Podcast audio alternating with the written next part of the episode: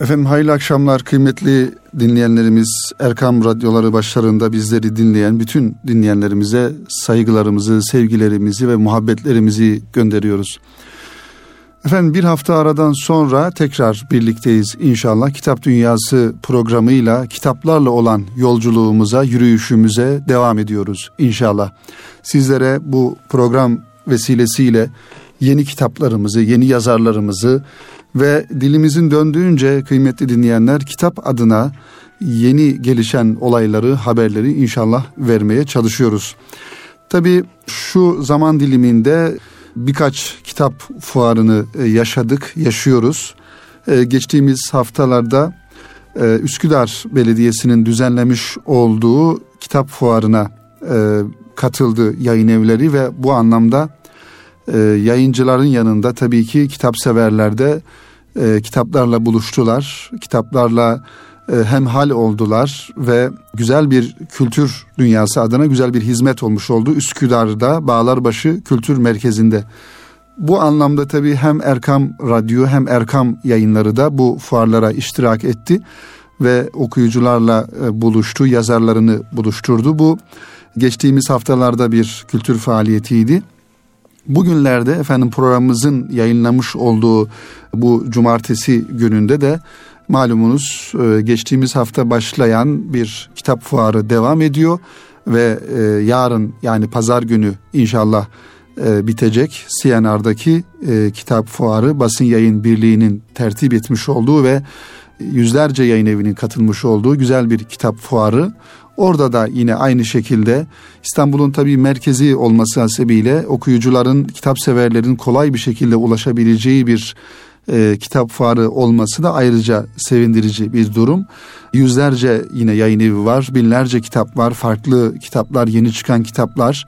Hakikaten eğer gitmeyenimiz varsa kıymetli dinleyenler, fuara gitmeyenimiz varsa İstanbul'da olup da e, mutlaka bugün ve belki bu saatler biraz geç olacak ama yarın son gün e, CNR Kitap Fuarı'nın yarın son günü e, gitmeyen kardeşlerimizi şiddetle gitmelerini tavsiye ediyoruz. Kitaplarla buluşmalarını ve sevdiklerine kitaplar hediyeler almalarını e, özellikle tavsiye ediyoruz inşallah.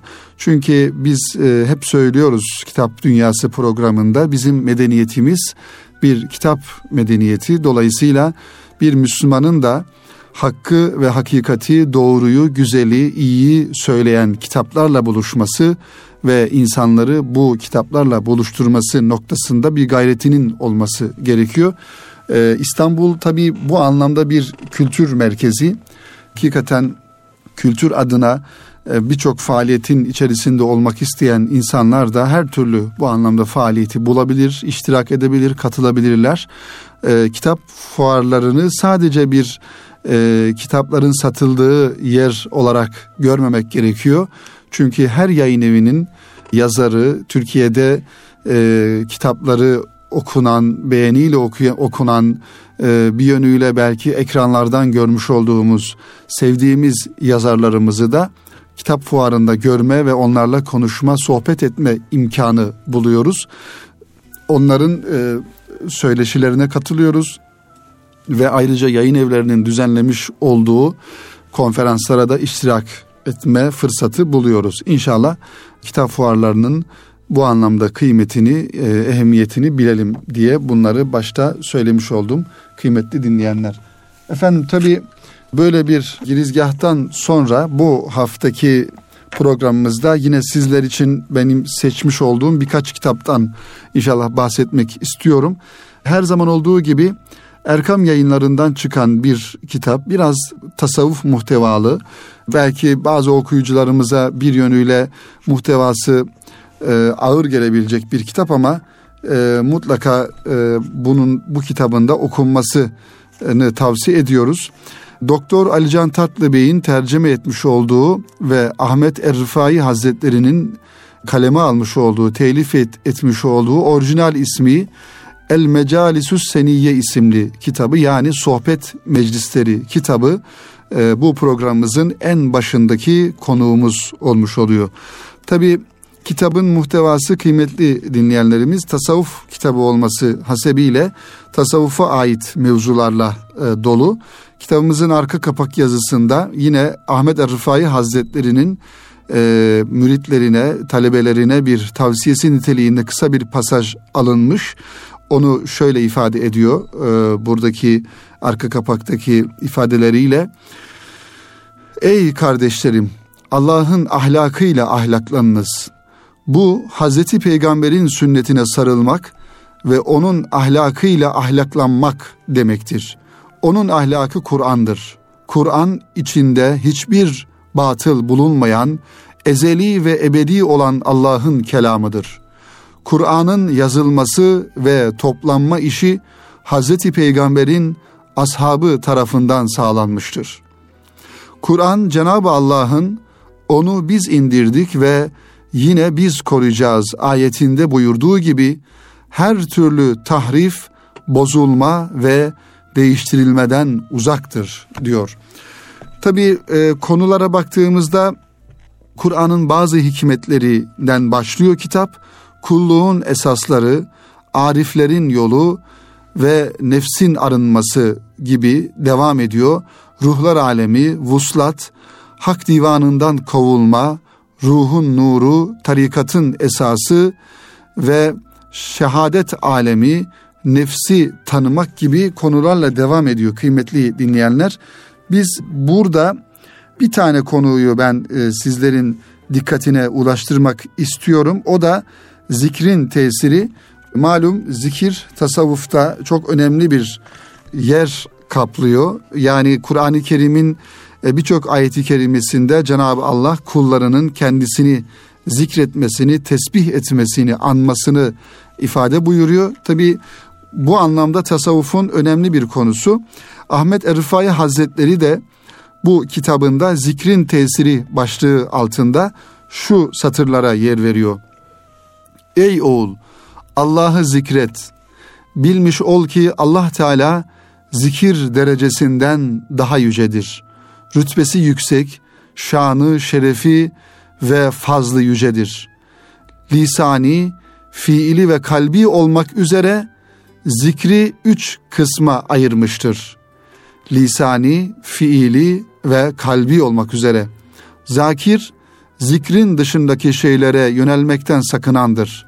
Böylece kişinin himmet ve iradesi yüce, işaret ettiği hususlarda anlayışı ince, niyet ve iradesi sahih olur.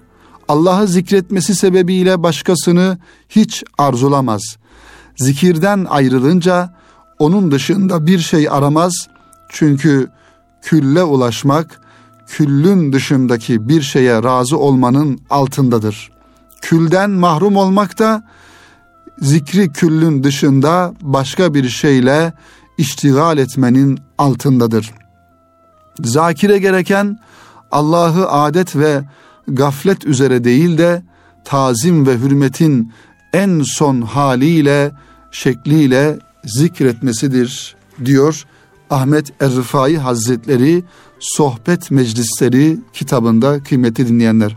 Tabi şunu ifade etmek gerekir ki kıymetli dinleyenlerimiz tasavvufla alakalı kitaplar belki insana e, biraz ağır gelebilir ama tabi bu anlamda da bir e, şekilde tasavvufun teorik tarafını yani ilmi tarafını kitaplardan okumak ve e, bu işi bir yönüyle öğrenme gayretinde olmak gerekiyor. Tabi büyüklerimizin ifadesiyle malumunuz tasavvuf kal ilmi değil hal ilmidir. Dolayısıyla bu bir yönüyle bir Allah dostunun etrafında olarak belki öğrenilecek olan bir ilimdir, bir durumdur ama büyük Allah dostlarının Ahmet Er-Rıfai gibi, Abdülkadir Geylani gibi, Şah Nakşibend Hazretleri gibi büyük Allah dostlarının İmam Rabbani gibi yazmış oldukları bir yönüyle tecrübi olarak yaşamış oldukları o hayatlarından akseden güzellikleri de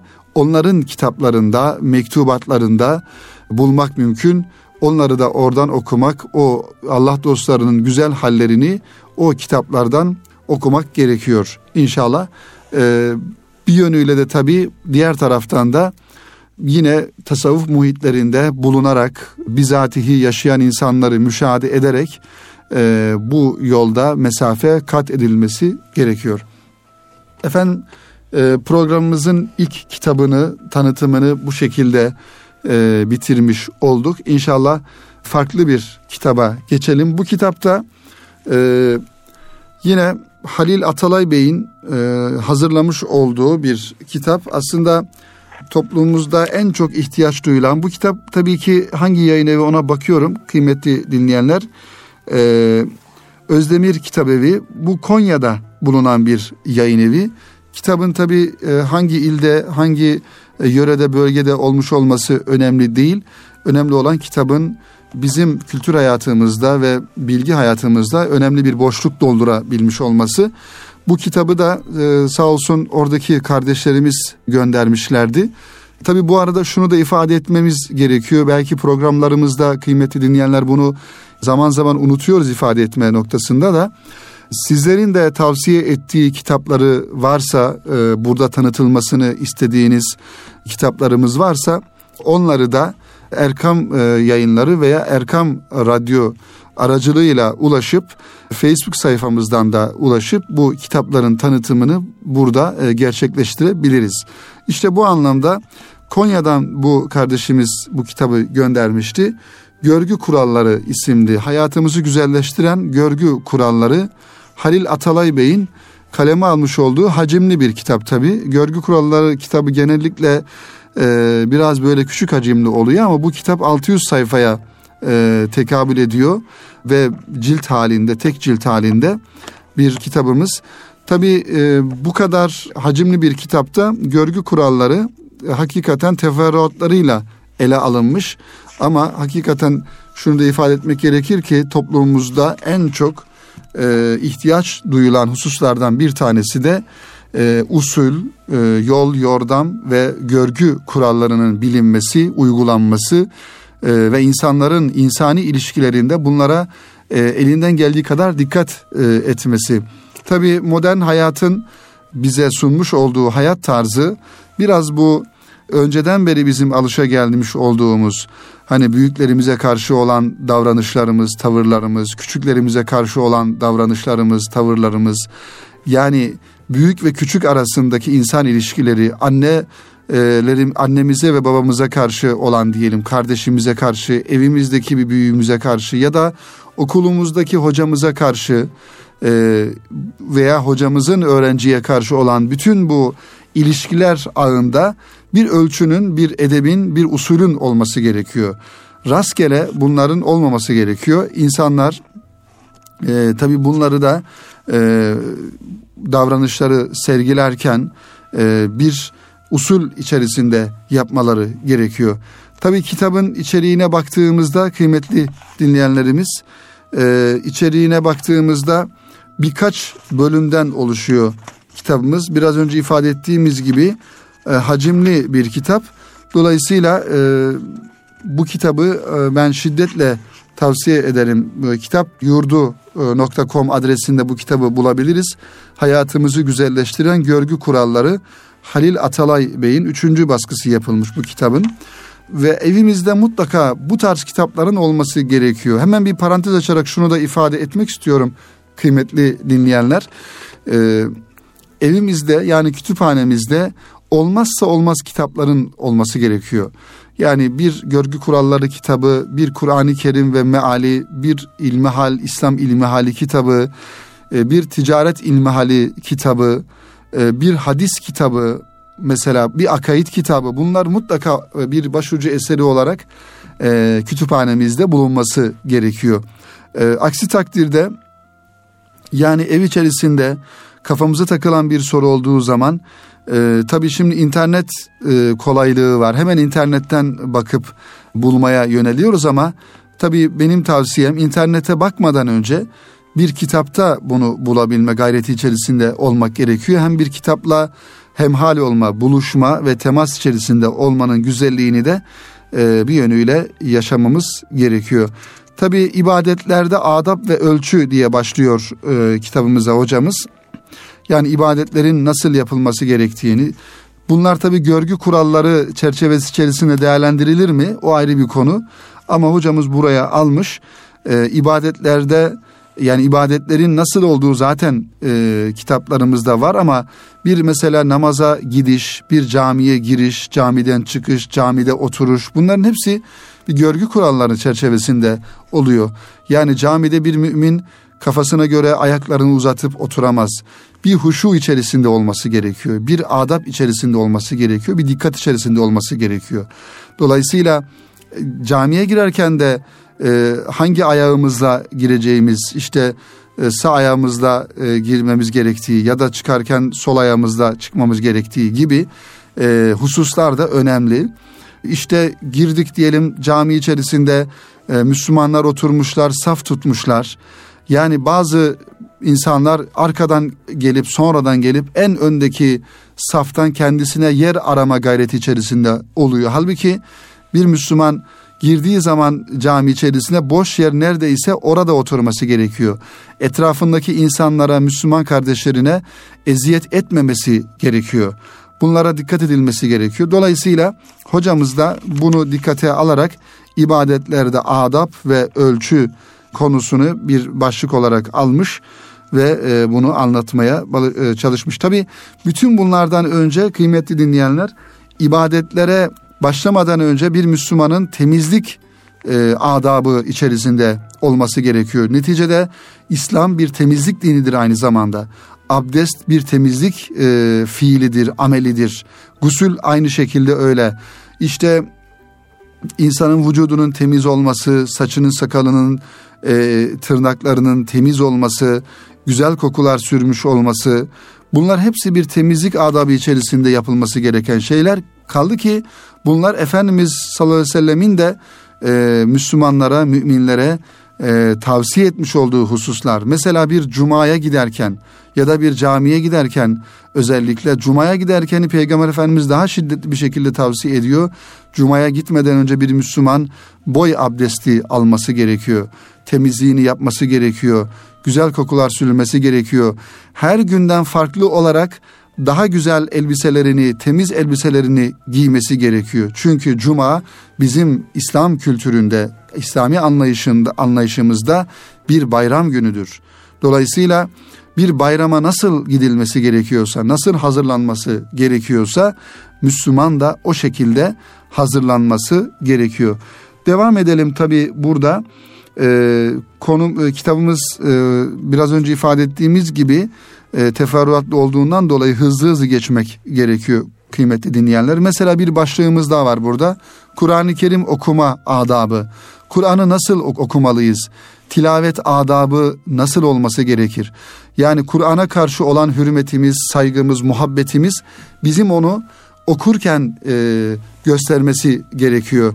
E, dolayısıyla Kur'an-ı Kerim bir e, Cenab-ı Hakk'ın kelamı, e, bizim hayat nizamımız, hayat düsturumuz onu öyle gelişi güzel bir şekilde, özensiz bir şekilde e, okumak e, doğru olmaz. Dolayısıyla Kur'an-ı Kerim'i de okumadan önce mesela abdest almamız gerekiyor. Abdestli Kur'an-ı Kerim'e dokunmamız gerekiyor, elimizi almamız gerekiyor ve bir şuur içerisinde yani okumuş olduğumuz ayeti kerimelerin bir e, Rabbimizin sözleri, Rabbimizin beyanı, ayeti kerimeleri olduğunun farkında olarak yani Peygamber Efendimiz'e inzal olunan o vahyin sanki bize indiriliyormuş gibi hassasiyetle ve titizlikle e, okumamız gerektiği noktasında burada da hocamız bunlara temas ediyor. Tilavet adabı noktasında. Mesela hemen devamında dua adabı diye bir başlık açmış. Çünkü Kur'an-ı Kerim'in içerisinde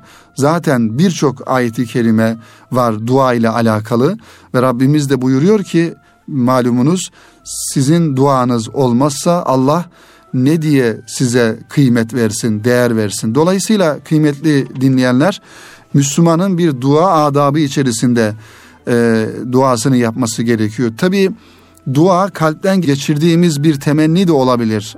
Ama en e, doğrusu ve en güzeli Rabbimizin huzuruna bir yine huşu içerisinde, bir mahfiyet içerisinde, bir pişmanlık içerisinde elimizi açıp belimizi büküp boynumuzu eğip Rabbimizden istememiz gerekiyor. Rabbimizden isterken tabii ki onun ismi, esmasını, ismi celilini ve ismi şeriflerini telaffuz ederek ondan o isimleriyle beraber istemek gerekiyor. Bu da bir dua adabı konusu. Tabii diğer sosyal hayatta dikkat edilmesi gereken e, hususlar var. Bu hususlarda yine burada ifade edilmiş.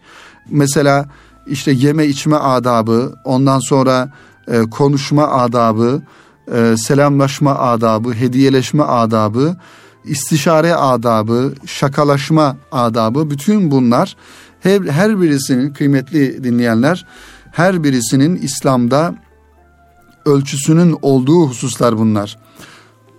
Rabbimiz bizi yarattıktan sonra başıboş bırakmadığına göre bütün fiillerimizi, bütün davranışlarımızı da kendi ölçüleriyle bir koruma altına almış, bir yönüyle bir ölçü altına almış. Müslüman da bu ölçülere uymak zorunda olan insandır. Yani Müslümanın teslimiyeti sadece basit anlamda namazıyla, ibadetiyle değil, hayatının bir bütünüyle, tamamıyla Rabbine teslim olmalı ve e, bütün hayatında onun o teslimiyetinin izlerinin görülmesi gerekiyor.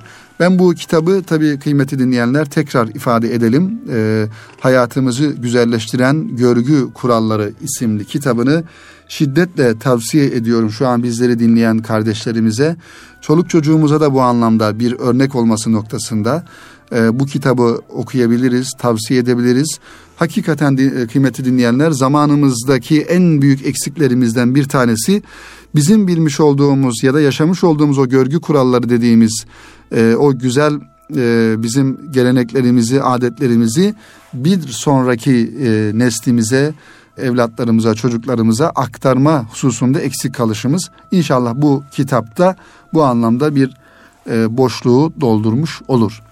Efendim e, programımızın birinci bölümünün sonuna geldik.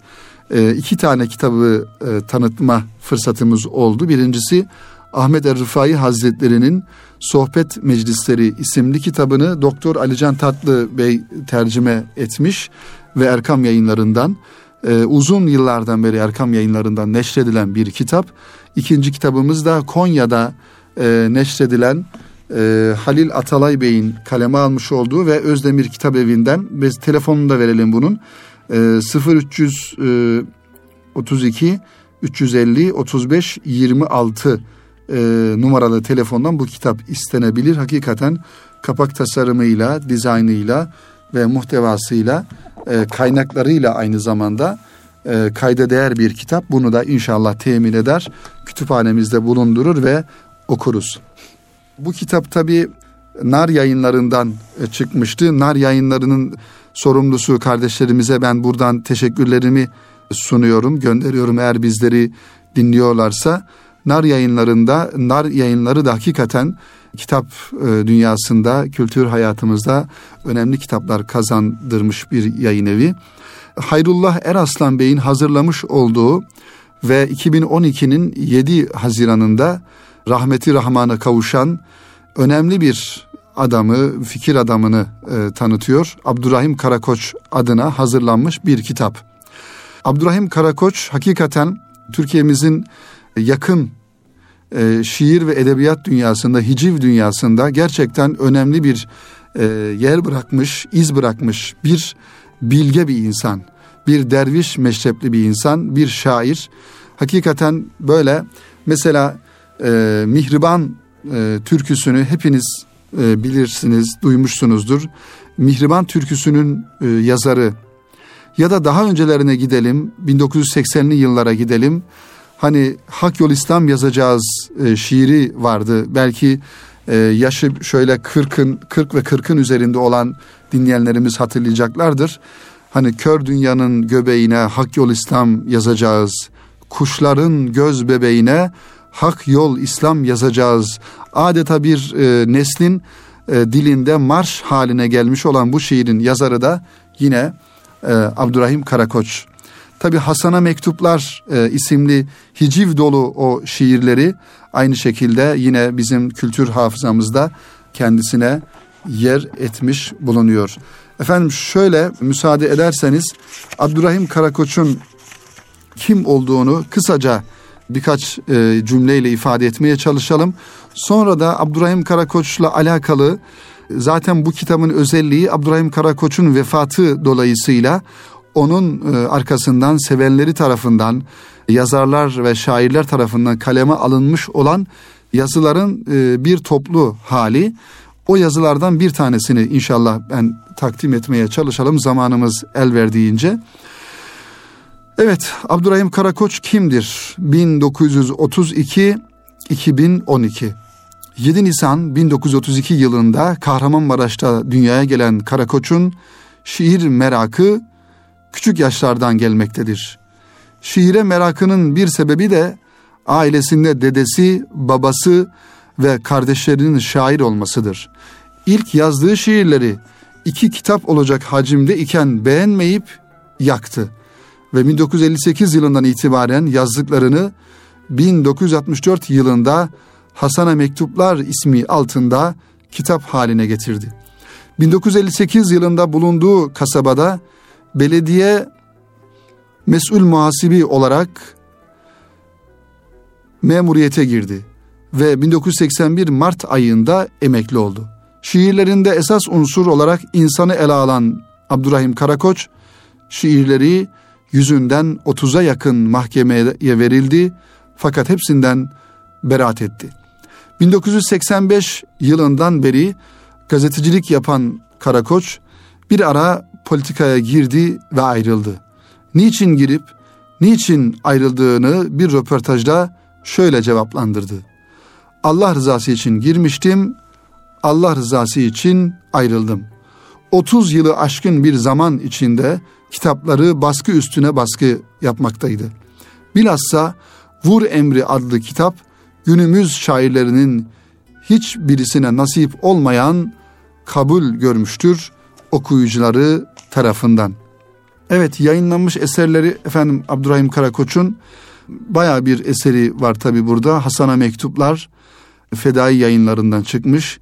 El Kulak'ta e, Vur Emri, Kan Yazısı, e, Suları ıslatamadım son çıkan yayınlarından. Evet beşinci mevsim, Dosta Doğru, Gök Çekimi, onun dışında Çobandan Mektuplar, Yasaklı Rüyalar, Gerdanlık 1, 2, 3 diye Alperen yayınlarından çıkmış bu kitapları da. Gerdanlık isimli kitapları da. Ve bu şekilde Abdurrahim Karakoç'un e, kısa hayat hikayesi böyle. Tabi vefatının arkasından e, kaleme alınan birbirinden güzel yazılar var bu kitapta. Bu kitapta hacimli bir kitap kıymetli dinleyenler. 624 sayfa nar yayınlarından e, temin edilebilir. Tabi biyografi kitapları okumanın bir güzel tarafı özellikle e, yazar ve şair kardeşlerimize ben şiddetle tavsiye ediyorum.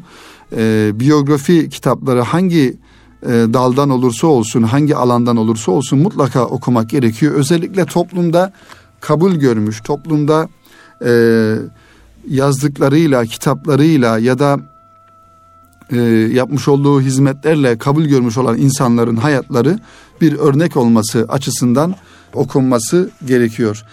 Radyolarında bizleri şu an dinleyen e, dinleyenlerimizin de yakından tanıdığı ve her sabah yorumlarıyla dinlemiş olduğu Ahmet Taş getiren Bey'in Abdurrahim Karakoç'un vefatıyla vefatından sonra yine kaleme almış olduğu yazısını ben inşallah sizlere takdim etmeye e, çalışacağım kıymetli dinleyenler.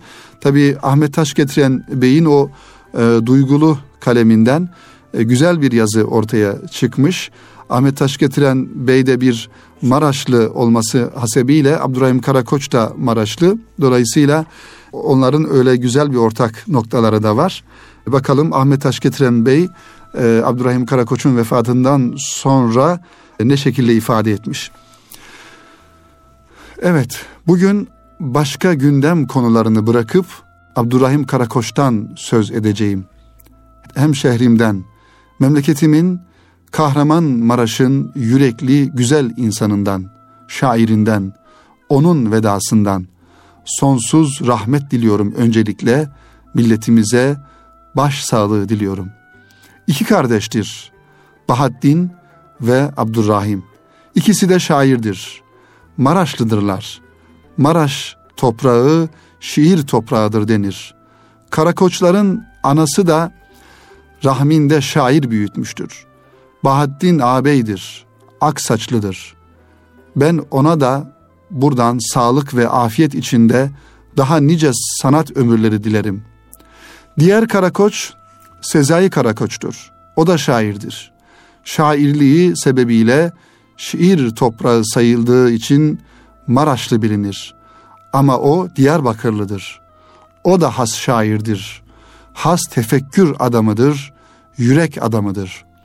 Abdurrahim Karakoç rahmeti rahmana yürüdü. Mekanı cennet olur inşallah. Memleket onu belki bestelenmiş birkaç şiiriyle hususen de mihriban ile tanıdı. Ama biz Karakoç'un gönül dostları Maraşlılar çok önceden buluştular onun şiiriyle. Benim neslim mesela Hasan'a mektupları okudu. 1960'lı yıllarda Hasan köyden şehire gitmiş olandı. Mektubu yazan da köyden Hasan'a haberler verendi. Mektup yazdım Hasan'a, ha Hasan'a, Hasan'a diye yazılan şiirler hicvin en güzel tonu ile buluşturdu okuyanları. Orada Anadolu insanının kelimenin tam manasıyla yüreği vardı. Sevdasıyla, acısıyla, hüznüyle, ince ince eleştirisiyle, sisteme öfkesiyle, yolsuzluklara, ahlaksızlıklara isyanıyla bir Anadolu yüreği. Bakın mesela 20. Hasan'a mektubun ilk kıtası nasıl bir duygu yumağı halinde. Hesap ettim ayak altı baş yedi, vallahi nazlı yar gene geç kaldık. Hınzır bülbül gül dalında leş yedi, katmerlendi zarar, gene geç kaldık. Gelin bir de Abdurrahim Karakoç'un Hasan'dan gelen mektubunun bir kıtasını okuyalım. Güneş doğmaz oldu cama, yırtığı kirletti yama. Adam bizim adam ama adamın başı baş değil. Böylece yüzlerce şiiri vardır Karakoç'un. Her mısrasında bir yara, bir iğne, bir umut saklıdır. Dağlara şiir yazar mesela. Ben onun şu dörtlüğünü çok severim diyor Ahmet Taşgetiren Bey. Derdini kimseye diyememek zor. Dağlar ondan böyle kas katı mosmor. Düşünüp düşünüp anlatamıyor. Böyle bencileyin zavallı dağlar. Dertleşir insanlarla, toplumla. Biraz serzeniş vardır sesinde. Şöyle der dertleşme şiirinde. Sırtımıza cümle derdi belayı, sizin için aldık sizden ne haber? Senelerce uykuları rüyayı, sizin için böldük sizden ne haber? İçkiye, kadına, rütbeye, şana, tenezzül etmedik malum cihana. Bunların cümlesi kalsın bir yana, sizin için öldük sizden ne haber? Ve aşk tabii ki, onun Elbistan'dan getirdiği kavruk yüzü, aşkın kavurduğu bir yüreğin yansımasıdır aslında. Mihriban şarkı olur, dillerde dolaşır. Sarı saçlarına deli gönlümü bağlamışım çözülmüyor mihriban. Ayrılıktan zor belleme ölümü görmeyince sezilmiyor mihriban. Yar deyince kalem elden düşüyor. Gözlerim görmüyor, aklım şaşıyor. Lambada titreyen alev üşüyor. Aşk kağıda yazılmıyor mihriban. Tabiplerde ilaç yoktur yarama. Aşk deyince ötesini arama. Her nesnenin bir bitimi var ama aşka hudut çizilmiyor mihriban. Boşa bağlanmamış bülbül gülüne, kar koysan köz olur aşkın külüne. Şaştım karabahtın tahammülüne, taşa çalsam ezilmiyor mihriban. Tarife sığmıyor aşkın anlamı.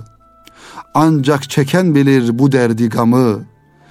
Bir kördüğüm baştan sona tamamı. Çözemedim, çözülmüyor mihriban. Evet, işte böyle kıymetli dinleyenler.